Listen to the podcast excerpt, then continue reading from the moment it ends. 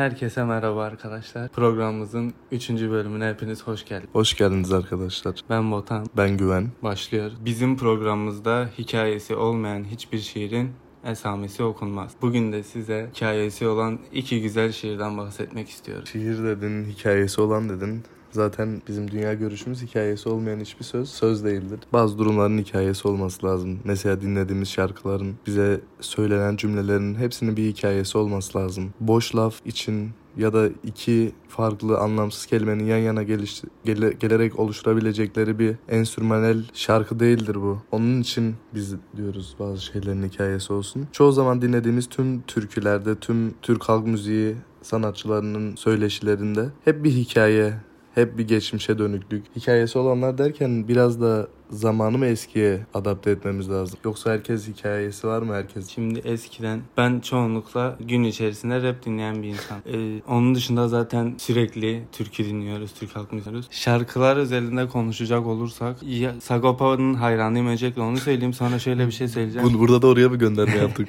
Geçen gün Sagopa'ya şu e, işte Uzi Çakal falan var ya onlarla ilgili bir şey sordular bir canlı yayında. Dedi ki eskiden dedi biz şarkılarımızda bir şey anlatmayı dert edinir. Hep bir anlam yatardı altında. Bir derdimiz vardı şarkılarımız. Şimdi, şimdiki raplerin hepsi AVM gibi dedi. Yani çok mükemmel bir tespitti benim için. Ha, gerçekten şimdiki raplerin hepsi AVM gibi. Onun dışında zaten eskisi gibi bir e, türkü şeyi kalmadı. AVM derken bu Gucci Prada. Aynen aynen sürekli aynı melodiler ve aynı sözler. Sürekli marka sayıyorlar saçma bir şekilde. Mercedes Benz, BMW. Evet kesinlikle. Ee, onun dışında zaten türkü falan eskisi gibi yok. Şiir e, Yusuf Hayaloğlu'nun bir şiiri var. Ve o şiirde şöyle çok güzel bir sözü var. İyi kalpli amcaları bir bir uğurladık ve dünya kirlendi, filmler bozuldu. O masum sevdalar yaşanmıyor. Gerçekten şiir anlamında da o iyi amcaların hepsini bir bir uğurladı. Bunların arasında zamane şairlerinin arasında merhum Sezai Karakoç geliyor bence. 60 yıl önce 19 yaşında yazdığı şiirle bile kendinden yaş ve yaş büyük aşıkları kendisine hayran bırakmış bir insan. Mona Rosa şiiri, Siyah Güller, Ak Güller. Belki biliyorsundur o şiiri. Yani 19 yaşında üniversitede yazıyor o şiiri. Yıllar geçiyor. 50 yıl sonra ortaya çıkartıyor. 50 yıl sonra ortaya çıktığında hikayesinden de bahsetmiyor. Hikayesini sonradan bir radyo programında, TRT'nin bir radyo programında şairler bunu konuşurken münazara ederken böyle bir durumun ortaya çıktığını buluyorlar. Şiirin dörtlüğünün baş harflerini alt alta getirdiklerinde bir isim ortaya çıkıyor. Muazzez Akkaya isminde bir hanımefendi. Sonra araştırıyorlar yani diyorlar ki Hikayeye de girmiş bulundum bu arada. Araştırıyorlar işte diyorlar Muazzez kimdir, necidir, eski okul kayıtlarına gidiyorlar. Üniversite yıllarında sınıf arkadaşı. Sonra ulaşmaya çalışıyorlar sınıf arkadaşlarından bazılarına. Böyle bir durum var mı yok mu? Bu şiirden bahsediyorlar mezuniyet günü okuduğu şiiri. Diyorlar böyle bir şiir var biz de duyduk ama hiçbir zaman Sezai Karakoç'un bu şiirinin ünlenmemesine de şaşırmıştık zaten. Diyorlar onlar yani Sezai Bey Muazzez Hanım'a aşıkmış ilk yıldan beri mezun olana kadar. Biz bu şiirin bundan dolayı olduğunu biliyorduk ama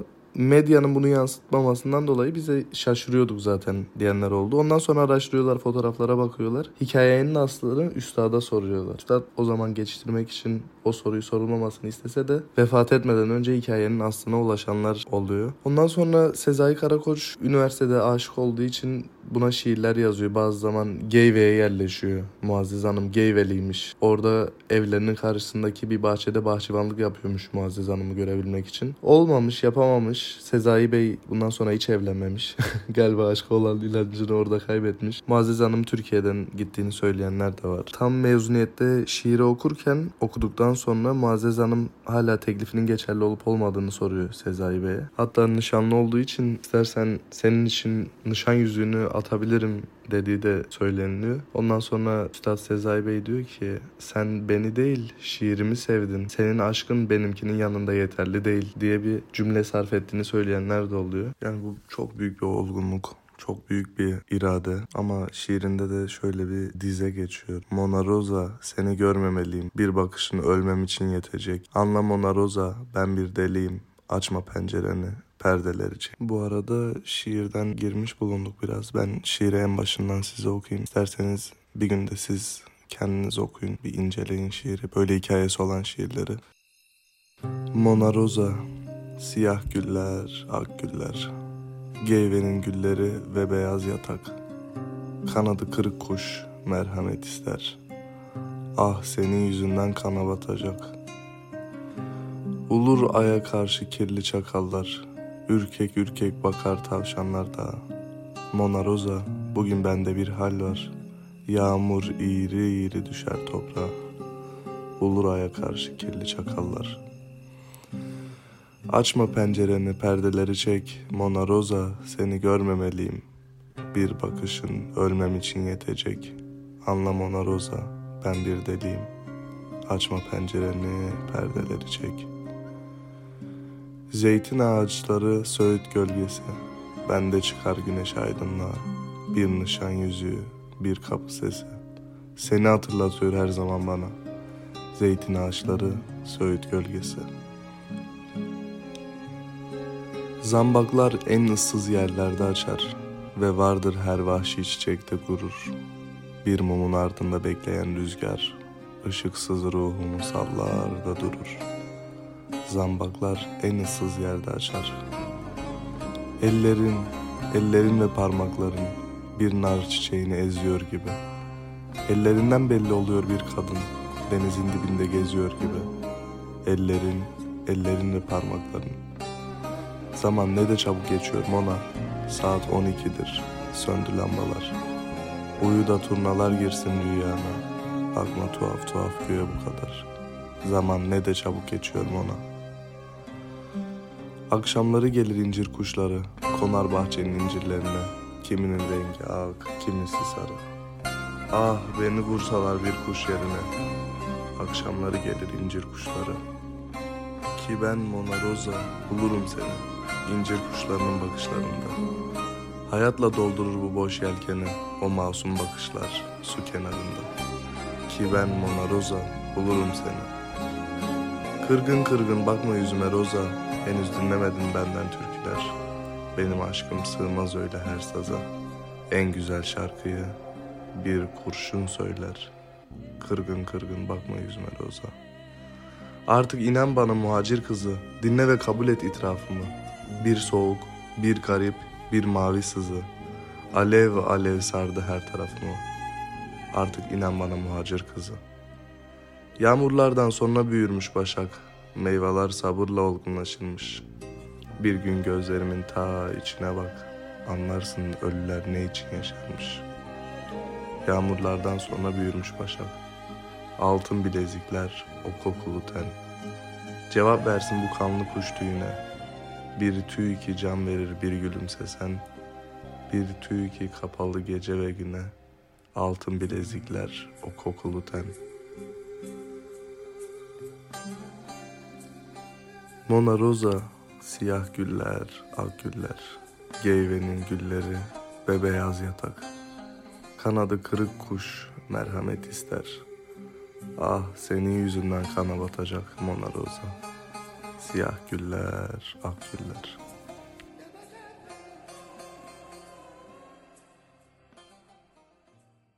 Üstad dediği gibi o üst taraflarda Mona Rosa, siyah güller, ak güller bu bununla birlikte o yaşadığı Geyve'nin önünde yaptığı başkanlıkla bir alakası var mı yok mu? Bu bile hikayesinden geliyor. Hani bir cümle ya şiirin içindeki bir cümle bir yaşanmışlık bir hikaye. Bilmiyorum çok sevdiğim bir şiir. Belki de en sevdiğim şiir. Ama bunun gibi binlerce şiir var hikayesi olan. Mesela o şiirde bahsettiği yer bir nişan yüzüğü, bir kapı sesi. Bu da mezuniyetindeki o durumdan mı geldiği söylenilebilir. Hani her cümlesine bir hikaye söylenir bunu yani. Her cümlenin bir anlamı var ve bunların bir de akrostiş olması 14 dize var. 14 dörtlüğün hepsinin baş harflerinin buna denk gelmesi benim yanımdan baya değerli bir şey yapıyor bu şiiri. Zambaklar en ıssız yerde açar ve vardır her vahşi çiçekte vurur. Zaman ne çabuk geçiyorum ona saat 12'dir söndü lambalar. Veya şurada geçtiği gibi bir gün gözlerimin ta içine bak. Anlarsın ölüler ne için yaşar. Yani senin aşkın beni öldürdü ama Gel gör ki bir kere gözümün içine bak. O zaman anlarsın ölüler nasıl yaşadı. Yani o kadar çok hikaye, o kadar çok yaşanmışlık bence bir şiiri o değerli yapıyor. Değil mi Botan? Ya gerçekten hem hikayesi hem de dizeleriyle mükemmel bir şiir. Sezai Karakoç zaten mükemmel bir şair. Sen de ağzına sağlık. Gerçekten hani insan dizeleri okuyunca anlıyor de. Mesela diyor ki Mona Rosa seni görmemeliyim. Bir bakışın ölmem için yetecek. Onu görmemeyi bile istemiş içinde verdiği yangından. Onun acısına karşı böyle şeyleri. Ya o kadar güzel ki bunu normal hayatımıza da yansıttığımız zaman hani insan üzüntüsünde de birini anlatmak istiyor. Kırgınlığında da birini anlatmak istiyor. Şairlerin farklı bir yaşamı var. Onu kağıda geçiriyor. Yani söz uçar yazı kalır. 30 yıl sonra ortaya çıkan bir şiir. Ve senin okuduğun dizenin devamında şöyle söyle. Anla Mona Rosa. Ben bir deliyim. Açma pencereleri çek. Gerçekten düşünsene bunları yazar. Muazzez Hanım'ın evinin karşısında bir bahçede çalışırken bunları yazıyor. Muazzez Hanım'ı izliyor ve diyor ki açma e, pencereleri perdeleri çek. Onu görmem görmek istemiyor gerçekten. Bu kadar aşk, bu hani insan anlam veremiyor ama gerçekten aşk demek ki böyle bir. Ya her insanın duyguları var. Bunlar da bir duygular. Bu duyguları kağıda geçirebilmek onları zaten farklı kılıyor. Her insan kendi içinde çelişkiler veriyor. Bir olaylar yaşıyor, aşık oluyor, seviyor. Yani biz biraz korkuyoruz yazmaya arkadaşlar. Yani yazdığımı kimse okumasın diye verilen çabalar. İnanın ki yazdığınız varsınız bu dünyada. Söz uçar yazı kalır yani. Ben de bu konuda sana katılıyorum. Biz pek yazdıklarımızı paylaşmayı sevmiyoruz. Gizli tutmaya çalışıyoruz. Ben de güvende bu konuda biraz böyleyim. Ne kadar doğru yapıyoruz bilmiyorum. Belki de bizimkiler de 30 yıl sonra ortaya çıkacak ve hikayesini öğrenmeye çalışanlar olacak. Ama bu güzel bir detay ama paylaşmıyoruz da işte onu yani. Yazdığımız defteri 30 yıl sonra saklayacaklar mı acaba? Onu 30 yıl sonra göreceğiz bakalım. Bulurlarsa hikayesini anlatırsın o zaman. Ben seninkini anlatırım sen benimkini anlat. Öyle duyguyu veremeyiz tabii.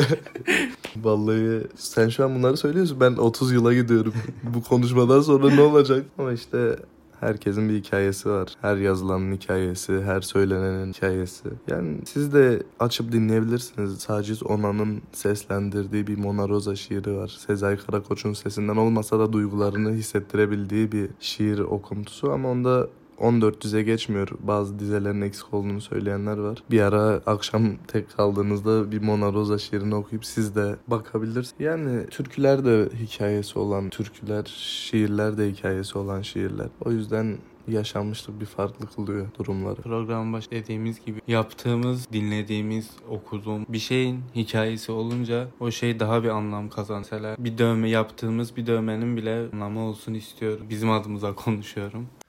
O zaman şöyle toparlayayım bizim adımıza konuştuğuna göre. Yani ekleyeceğin son cümlelerini de aklında bence oluştur. Videonun ses kaydının sonuna doğru geliyoruz. Arkadaşlar ne yaşarsanız yaşayın. Yaşadığınız kişiyle, yaşadığınız hikayeyle birlikte bir bütün halinde hareket etmeyi öğrenin. Bazı yaşanmışlıklar bazı insanlara derin acılar verir. Siz siz olun, karşı tarafınızdakini düşünerek hareket edin. Bazı yaşanmışlıklar şiire dönüşmeyebilir. Bazı bıraktığınız izler güzel hikayeler oluşturmayabilir. O yüzden karşıdaki insanın hayatına iyi bir şekilde dokunabilmek bence her bireyin hakkı. Yani birbirinizi üzmeyin. Sen ne diyorsun son cümlelerinde programın sonuna doğru? Ee, gerçekten insanın bu hayatta yaşadığı her şey insana iyi ya da kötü bir şeyler öğretir. O yüzden benim fikrimce hani hiçbir şeyden pişmanlık duymamalısınız. Yaşadığınız, yaşayamadığınız hiçbir şeyden pişmanlık duymamalısınız. O size bir şey öğretmiştir. Mutlaka size bir tecrübe olmuştur yani. Onun dışında programımız hakkında bir şey söyleyip yavaştan kapatalım. Üçüncü bölümün formatı biraz farklı olacak şu, şu şekilde. Üçüncü bölümü iki part olarak çektik. İlk partı yine aynı günü aynı saatinde yayınlayacağız. İkinci partı haftaya aynı gün aynı saatte iki ayrı şairi konu edindik. Biri Sezai Karakoç, diğerini haftaya göreceksiniz. Sözü sana bırakıyorum. Az önce pişmanlıklardan falan bahsettin pişman olmamakla ilgili. Aslında hepimiz pişman oluyoruz. Bazen yaptıklarımızla, bazen yapamadıklarımızla. O yüzden pişmanlığın vicdan üzerindeki bıraktığı etki çok önemli. Siz birini üzüyorsanız, birine bir olay karşılığında bir tepki gösteriyorsanız vicdanınız bunu ne kadar kaldırıyor? Yani karşı tarafındakini bir düşünmen lazım. Hak etti mi bunu? Hak ettiysek eyvallah da insan bazen düşünmüyor değil işte. O yüzden herkes pişman olacak. Bazıları yaptıklarıyla, bazıları yapamadıklarıyla. İnşallah pişmanlıklarınız çok uzun sürmez. Part 2'de görüşmek üzere. Kendinize iyi bakın. Ben Güven. Ben Motan. Öyle işte programın sonuna geldik.